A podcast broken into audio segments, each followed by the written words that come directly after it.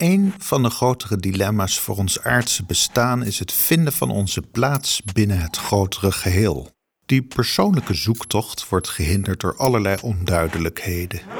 Zo is het voor een ieder denkbaar dat zij of hij het enige cognitieve wezen in een simulatie is die we het heelal noemen. I really think that computer in there just got to be drunk. Maar tegelijkertijd kunnen we allemaal onsignificante mieren in een groter geheel zijn. Hamilton is to be discarded. Met maar een zeer beperkte invloed en grotendeels vergeten als onze kans weer voorbij is.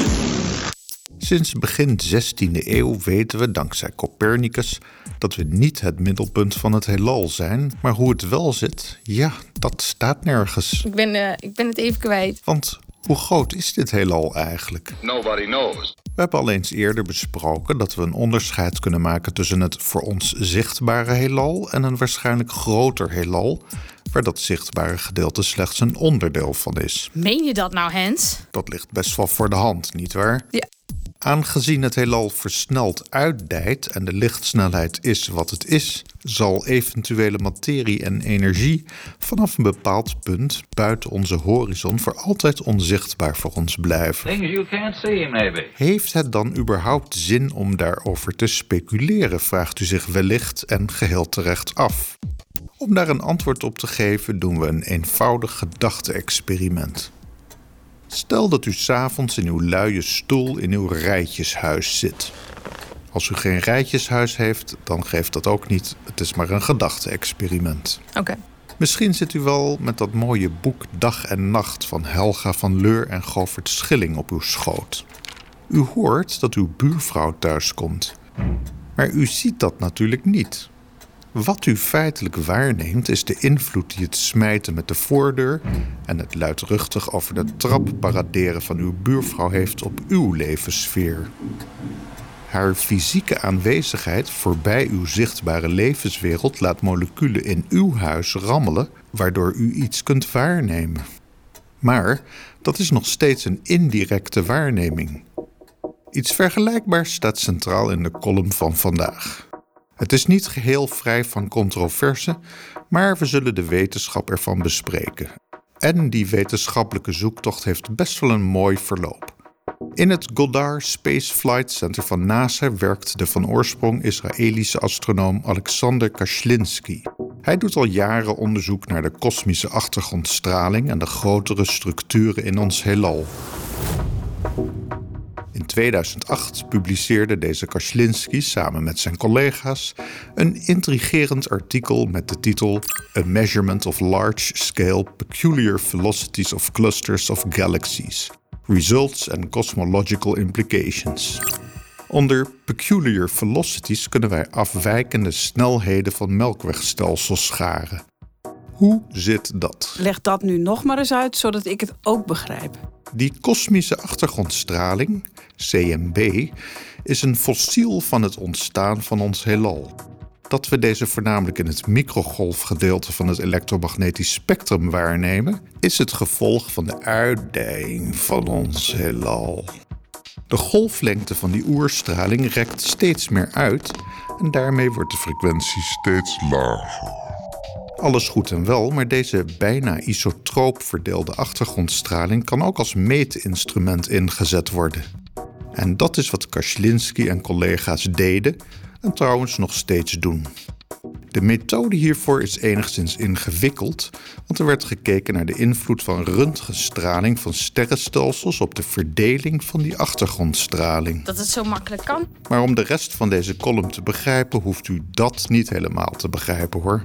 De invloed van de röntgenstraling van één zo'n sterrenstelsel heeft een enorme foutmarge in de metingen. Maar in de optelsom van een heleboel metingen aan een heleboel sterrenstelsels dreef een significante afwijking naar boven. En nu wordt het verhaal ook pas echt spannend. Vandaar dat ik ook stop met dat gezellige muziekje van net. Kashlinsky en collega's vonden een sterke en coherente afwijking waarbij sterrenstelsels aangetrokken worden door iets heel zwaars op één punt aan de hemel, voorbij onze waarnemingshorizon. We zien dus niet onze buurvrouw, maar voelen wel haar aantrekkingskracht. Hens, Jezus. Oh, oké, ja, sorry. Met andere woorden, buiten het voor ons zichtbare heelal bevindt zich mogelijk iets heel zwaars waar sterrenstelsels naartoe getrokken worden. Het gebeuren heeft, geheel in lijn met de dark energy en dark matter, de naam dark flow gekregen, een donkere stroming. Kunnen we nou met onze vinger aan de sterrenhemel wijzen naar dat punt? Zeker wel. Dit punt ligt vanaf ons gezien tussen de sterrenbeelden Vela en Centaurus. Op een mooie donkere locatie op het zuidelijk halfrond kijkt u daar dwars tegen onze Melkweg aan. Maar dat wat dus aan de materie trekt, dat ligt niet in onze Melkweg, maar ver, ver daar vandaan, voorbij het punt dat wij überhaupt nog kunnen kijken. Ik vertelde in het begin al dat ons onderwerp van vandaag niet vrij van controverse is. De originele bevindingen van Kashlinsky uit 2008 werden gedaan op basis van de gegevens van de Planck-satelliet. Wat Kashlinsky met dark flow zegt, is dat het bestaande kosmologische model waarin het heelal isotroop uitdijt niet volledig is. Wetenschap zou wetenschap niet zijn als er geen mensen waren die hier aan gingen twijfelen. Ik twijfel hieraan. En zo verscheen in 2013 een nieuw artikel met de titel On the Statistical Significance of the Bulk Flow Measurement by the Planck Satellite van auteur Fernando Atrio Barandela. You know who you are. Deze astronoom zegt in dat artikel kort samengevat dat de bevindingen van Kashlinsky niet statistisch significant zijn. Dit had natuurlijk kunnen leiden tot een touwgetrek, een welles nietes tussen twee astronomen. Maar wetenschap en ook astronomie zitten vol met opmerkelijkheden. Atrio Barandela en Kashlinsky doken samen in de nieuwste data van de Planck-satelliet en de oudere gegevens van de WMAP-satelliet.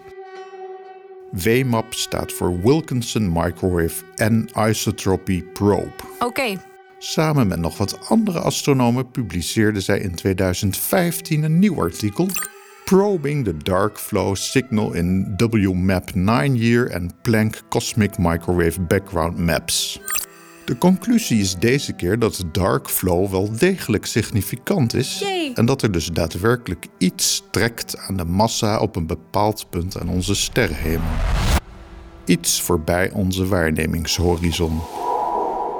Heel mooi is dat deze conclusie volgt uit de gegevens van twee verschillende satellieten, Planck en WMAP, waardoor ruis of bias van instrumenten grotendeels uitgesloten kan worden. dit is best uniek, of niet? Nu rest natuurlijk de vraag: wat is daar dan? You hear that? Wat bevindt zich voorbij onze kosmische horizon dat trekt aan voor ons wel zichtbare materie? Is er een grote kosmische stofzuiger waar het complete heelal op den duur weer in verdwijnt? Dat zou wel een hoop problemen oplossen natuurlijk. Ik ben voorzichtig met het zeggen dat we nooit zullen weten wat dat is. Want alhoewel het voor ons onmogelijk is om ooit voorbij een bepaald punt in ons heelal te kijken, is informatie venijnig persistent. Daar hebben we in deze serie columns wel eens eerder aandacht aan besteed. Wat vandaag slechts als significante vector aan de sterrenhemel zichtbaar is, kan over een paar decennia misschien meer informatie blijken te geven.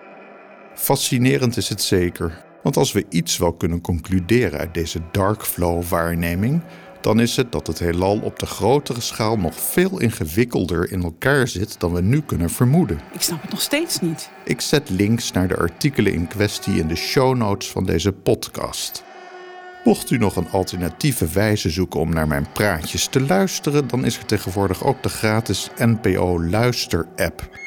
Daarmee kunt u zich eenvoudig abonneren op de vele mooie podcasts die de NPO te bieden heeft.